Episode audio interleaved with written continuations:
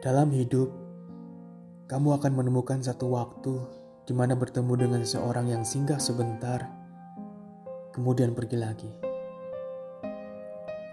Ia hanya sebentar menjadi alasanmu jatuh cinta. Ia hanya sebentar menjadi alasanmu berbahagia. Ia hanya sebentar menjadi alasanmu ceria.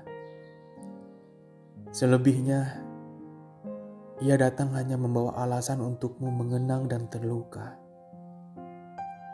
sudah menemukan satu waktu yang mungkin menjadi bagian tersedihmu? Jika iya, selamat. Itu artinya kamu telah berhasil. Dari kehadirannya, ia membuatmu menjadi pribadi yang baru. Kamu yang hebat, kamu yang sabar, kamu yang pemaaf, kamu yang kuat. Ia telah menjadi bagian paling melegakan setelah kamu mengikhlaskan. Ia telah menjadi bagian paling menghangatkan setelah kamu memaafkan.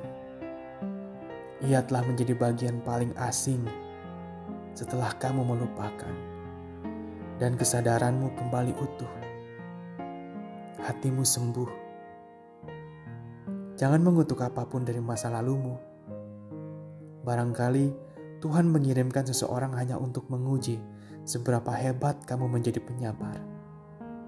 Hati baik sepertimu tidak akan pernah dibiarkan Tuhan dipeluk dan dicintai oleh orang yang salah. Terkadang, untuk merayakan bahagia-bahagia yang sempurna, Tuhan lebih dulu mengujimu dengan air mata. Tetapi jangan menjadikanmu untuk mudah berputus asa.